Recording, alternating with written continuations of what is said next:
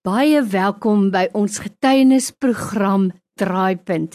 En dankie dat jy so getrou inskakel om te luister na die getuienisse van mense net soos ek en net soos jy. Onthou Draaipunt word uitgesaai op 'n Vrydag aand 9uur en dan word dit weer herhaal op 'n Sondagmiddag 06:30.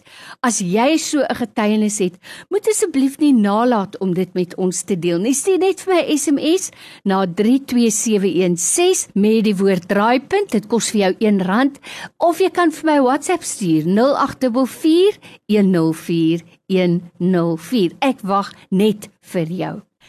Jy dalk al soms begin moedeloos word omdat jy vir iemand bid.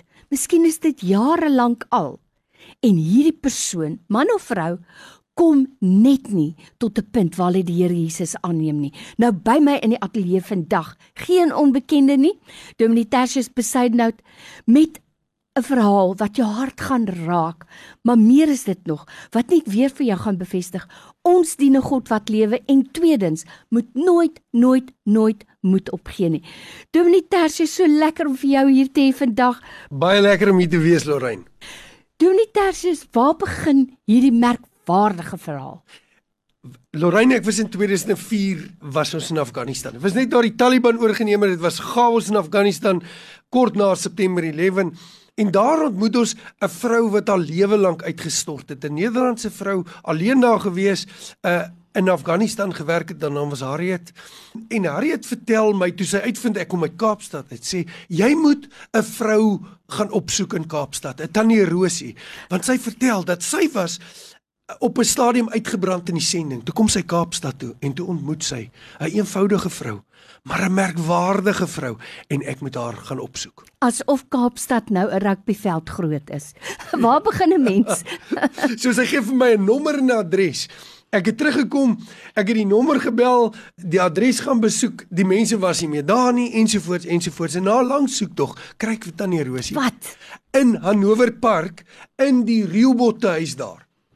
En ons begin 'n pad stap want ek sien hierdie vrou se merkwaardige vrou. Sy was 'n huiswerker en sy was verslaaf aan alkohol.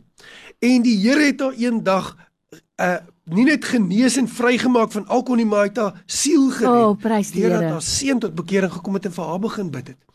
En toe, die eerste opdrag wat sy van die Here kry is om te bid vir Afghanistan. Maar sy weet nie waar Afghanistan op die kaart, op die wêreldkaart is nie en sy het nie vir 3 jaar lank bid sy sonder dat sy enigiets woord van Afghanistan en dit is hoekom sy gereageer het op 'n advertensie wat sy gesien het daar's iemand van Afghanistan wat in die sending is wat kom praat by 'n plek en dis hoe sy vir Harriet ontmoet. Nou kyk nou werk die Here. Kyk nou, maar dis nie waar die storie eindig nee, nie.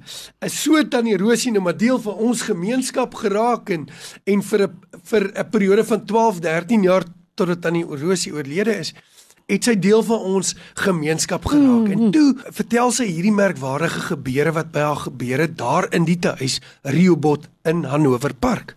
Sy het haarself gaan aanmeld omdat sy daar is by die Alzheimer pasiënte om daar te help in die huis waar hulle is want julle sal weet al dis 'n geweldige moeilik om om daardie mense baie keer te begelei en te hanteer. So sy het as 'n vrywilliger daar deel gewees. En elke dag het sy sommer saam met hulle liedjies gesing, sy het saam met hulle gepraat, sy het sommer saam met hulle Bybel gelees. Baie van hulle was mosse mense, maar sy was iemand wat omgegee het. Mm.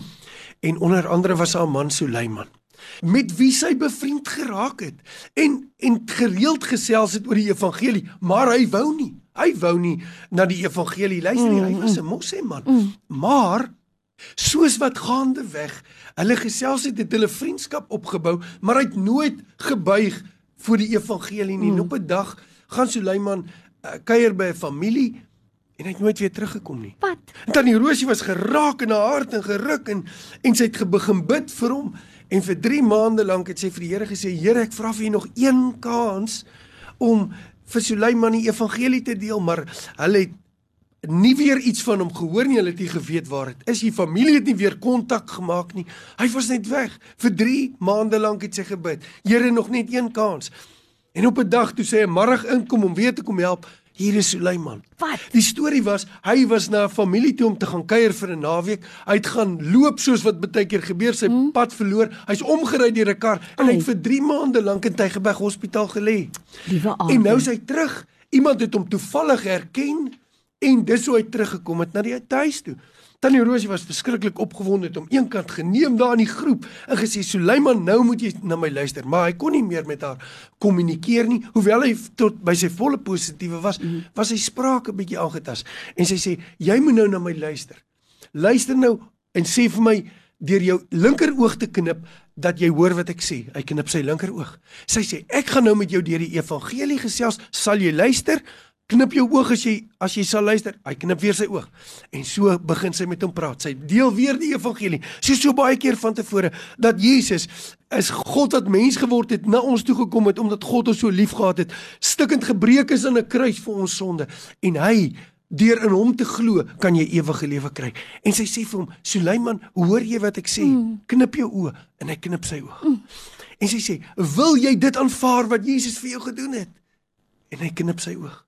Sy sê, ek gaan nou vir jou saam met jou bid. En en dit moet jy bid in jou hart saam. En as jy dit in jou hart saam gebid het, dan moet jy jou oë knip as ons klaar is. En sy gaan voort in die gebed En toe sy klaar is, toe sê sy, "Het jy dit nou saam gebid?" En toe knip hy nie een keer sy oë nie. Toe hou hy aan om sy oë te knip en die trane oh. loop en die vreugde oh. dat hy die Here aangeneem. Is dit nie 'n lieflike storie nie? Oh. Daai môre is sy met 'n huppel terug na haar kamer toe die volgende oggend, toe sy weer na hom toe kom om weer 'n bietjie verder met hom te praat, toe deel hom mee dat Suleiman is in die nag oorlede. Dominee Tertius Is dit 'n verhaal storie? Wat 'n verhaal nou by my in die ateljee vandag is Dominee Tersius Besuidenhout en jy ken hom en ook sy wonderlike uitreike in ons gemeenskappe. Dominee Tersius, die Here loop 'n pad om vir jou Afghanistan toe te neem, om vir Harriet te ontmoet, om te hoor van Tannie Rosie. Kyk hoe werk die Here, anders as wat ons dink. Met 'n wye draai kom jy by 'n kosbare siel uit vir die Here om haar deel te maak van 'n geloofsgemeenskap, tyd met haar deur te bring. As jy nou iemand is wat na ons luister vandag, wat nou begin moed opgee het want ek het al gepraat met ouers wat sê ek begin nou moed opgee op my kind of op my eggenoot. Wat 'n woord is daar vir so 'n persoon? Ja. Dit wat Jesus sê.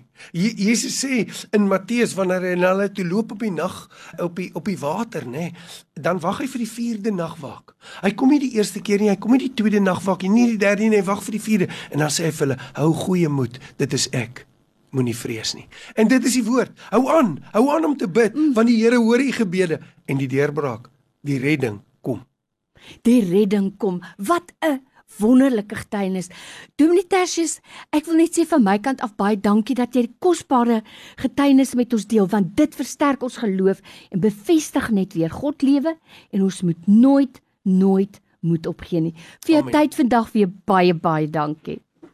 Ja tannie Rosie Kakeli en sy het gewoon in Kalksteenfontein. Hoewel ons haar nou ontmoet het in Hanover Park, het sy gewoon in Kalksteenfontein. Tannie Rosie Kakeli.